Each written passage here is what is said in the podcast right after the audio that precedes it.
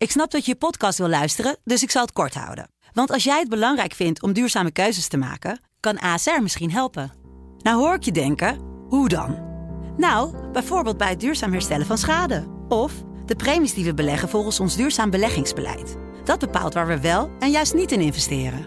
Wil je meer weten over welke duurzame keuzes ASR maakt? Ga dan naar asr.nl slash duurzame keuzes. ASR doet het. Zo, dan kan je nu lekker naar je podcast luisteren. In deze podcast van de Telegraaf elke dag het belangrijkste coronanieuws op een rij. De cijfers en de feiten met thuiswerkers Pim CD en Kamran Oela. Goeiedag, donderdagavond 16 april 2020, aflevering 31 van onze corona-update. Met vandaag in Den Haag werd veel over mondkapjes gesproken. De reisbranche maakt zich op voor de anderhalf meter samenleving en veel ondernemers die dreigen failliet te gaan. Maar eerst de RIVM-cijfers van vandaag door Telegraaf-collega Pim CD. In het afgelopen etmaal heeft het RIVM 181 nieuwe meldingen over sterfgevallen door het coronavirus gekregen. Het aantal Nederlandse doden is daarmee opgelopen tot zeker 3315. En dat is nog maar 27 minder dan het officiële dodental in China, het land waar het coronavirus ontstond. Het aantal ziekenhuisopnamen dat steeg met 182 tot 9309. Een deel van de patiënten is weer thuis. Het aantal geregistreerde besmettingen steeg met 1061 tot 29.214. Dan het aantal coronapatiënten op de intensive care afdelingen. Dat daalde voor de vijfde dag op rij. Afgelopen etmaal met 21. Er liggen nu 1258 coronapatiënten op de IC's. Mondkapjes zouden niet nodig zijn. Dat zei minister Hugo de Jonge maandagavond nog tijdens de persconferentie. Een dag later werd daar uitgebreid over gedebatteerd in Den Haag. Pim. Kamran in de Tweede Kamer waren er veel vragen over de mondkapjes. Het kabinet zet ze nu nog niet in, tenminste niet buiten de zorg. Maar veel partijen willen dat wordt uitgezocht of dat wel nuttig kan zijn, ook omdat het in het buitenland wel gebeurt. De tekorten en de prioriteit liggen nu in de zorg. En dat zal ook zo blijven, daar moeten we eerlijk over zijn de komende week, als het gaat over die echte mondmaskers.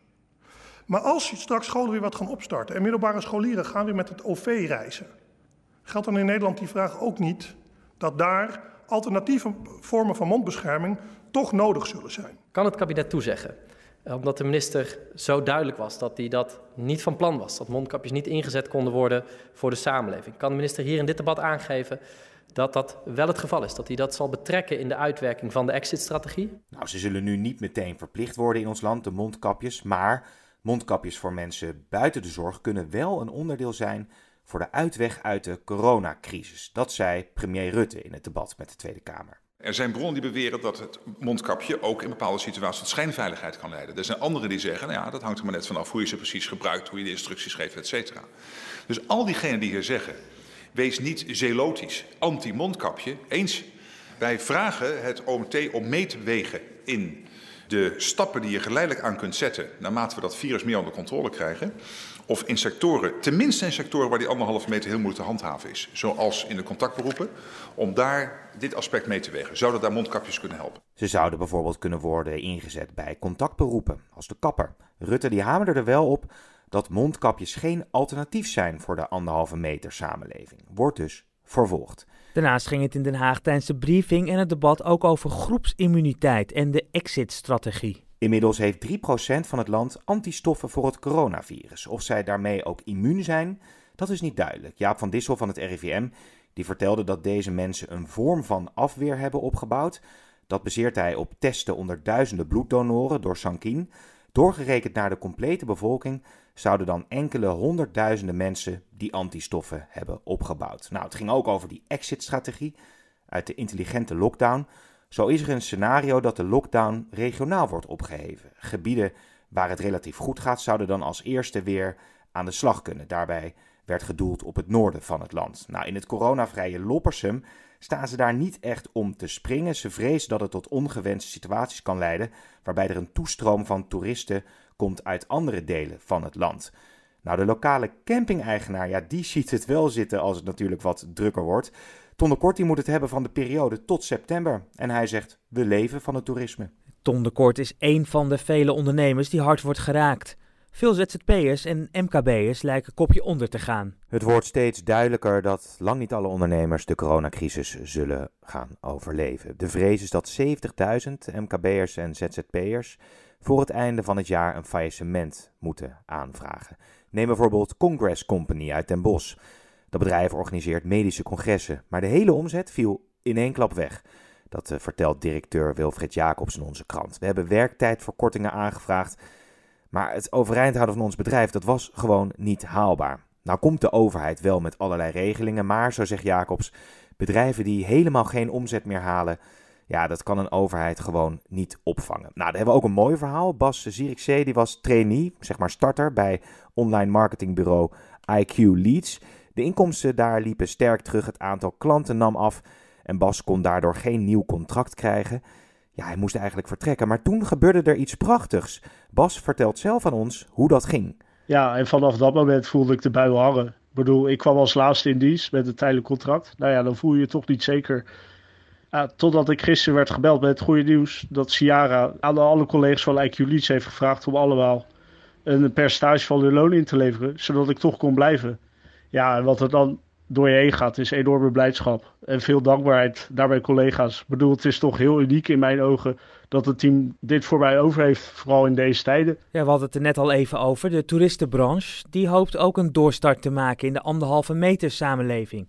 Daar wordt op dit moment al hard over nagedacht. De anderhalve meter vakantie is in opmars, want we willen mensenmenigte vermijden en het liefst zo hygiënisch mogelijk onze vakantie vieren. Dat weet verslaggever Paul Eldering. Reisorganisaties en hotels in ons land die spelen daar op in. Je moet bijvoorbeeld denken in Friesland aan een uh, elfstedentocht op de fiets of per boot. Hè? En dan uh, zijn de jachthavens en de hotels zijn helemaal ingericht op die afstand houden en die extra hygiëne.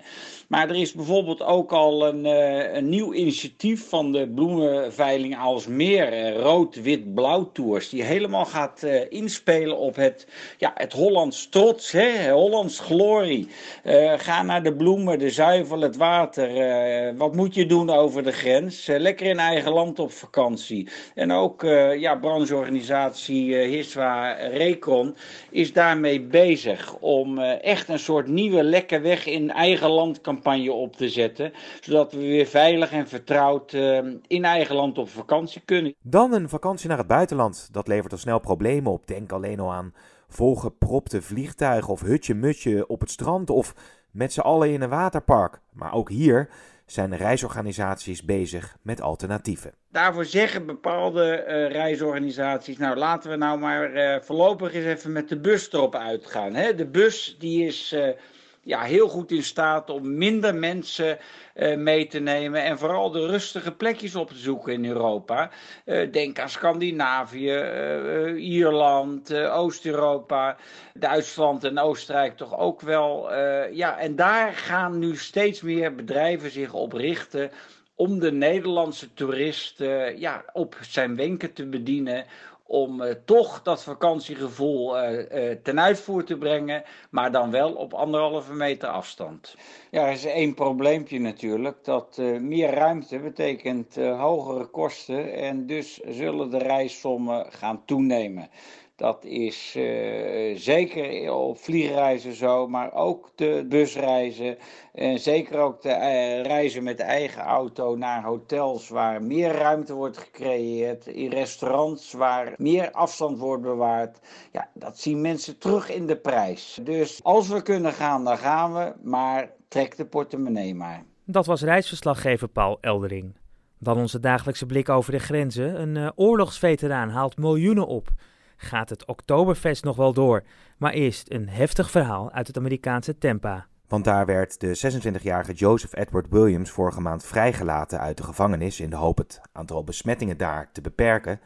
Maar een dag later ging hij al aan de fout en pleegde een moord. Williams die zat slechts zes dagen in de bak voor het bezit van heroïne. In totaal werden er toen 164 gevangenen vrijgelaten. Maar een dag na zijn vrijlating werd een man neergeschoten en Williams was daarbij betrokken melden de autoriteiten. Er is geen twijfel over mogelijk dat Williams misbruik heeft gemaakt van de coronacrisis, al dus een woordvoerder van de politie. Afgelopen maandag werd Williams weer gearresteerd en hij blijft nu ook echt vastzitten. Lijkt me duidelijk. Dan iets heel anders. De Duitse overheid zal naar verwachting een streep gaan trekken door de festiviteiten rond het Oktoberfest in München. Daar komen jaarlijks miljoenen bezoekers uit een groot aantal landen op af. En de festiviteiten stonden gepland van 19 september tot 4 oktober. Een definitief besluit zal in de komende twee weken worden genomen door de beleidsmakers in de regio Beieren die het Oktoberfest organiseren. En dan bijzonder nieuws uit Londen. De 99-jarige oorlogsveteraan Tom Moore heeft 100 rondjes in zijn tuin gelopen om geld op te halen voor artsen en verplegers. Deze donderdagmorgen liep hij met een rollator zijn laatste ronde en met zijn actie haalde hij let wel 14 miljoen euro op. En het geld gaat dus naar zorgmedewerkers. Ik hoop dat voor alle mensen die het zo moeilijk hebben de zon weer gaat schijnen en de wolken verdwijnen, zei Moore. Prachtige woorden. En tot slot, zoals elke dag, een aantal korte coronaberichten door Pim. Een betere dag voor de AEX. Woensdag was er nog een dikke min. Vandaag sloot de Amsterdamse beurs 1% hoger op 496,1 punten.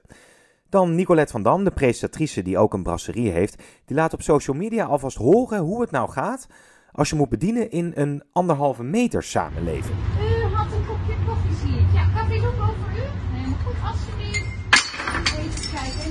Glaasje water erbij. Geen probleem, alsjeblieft.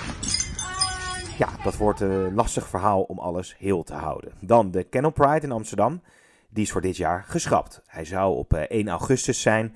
Maar een Pride organiseren met anderhalve meter afstand is onhaalbaar. Al dus de organisatie. De Pride wordt een jaar doorgeschoven. Dan eh cabaretier Rob Kemps, de frontman van de feestact Snollebollekes. Die heeft eh, 200 boeken geschonken aan een woonzorgcentrum in zijn woonplaats. Best, dat schrijft de Brabander op zijn Facebookpagina. Net voor de intelligente lockdown kwam zijn boek uit. Zijn gedachten zijn bij kwetsbare ouderen. En dus deelt hij zijn boeken uit. Hey meisje, hey meisje, maar ze er. Oh hemel, ik geloof dat ik hier een blauwtje loop. Dag meisje, dag meisje. En dit was de Telegraaf Corona-update van donderdag 16 april 2020. Alle onderwerpen uit deze podcast zijn uitgebreid te lezen en natuurlijk ook te zien op de site en in de apps van de Telegraaf. En natuurlijk ook in onze krant. Hou vol, blijf gezond en wat ons betreft tot morgen.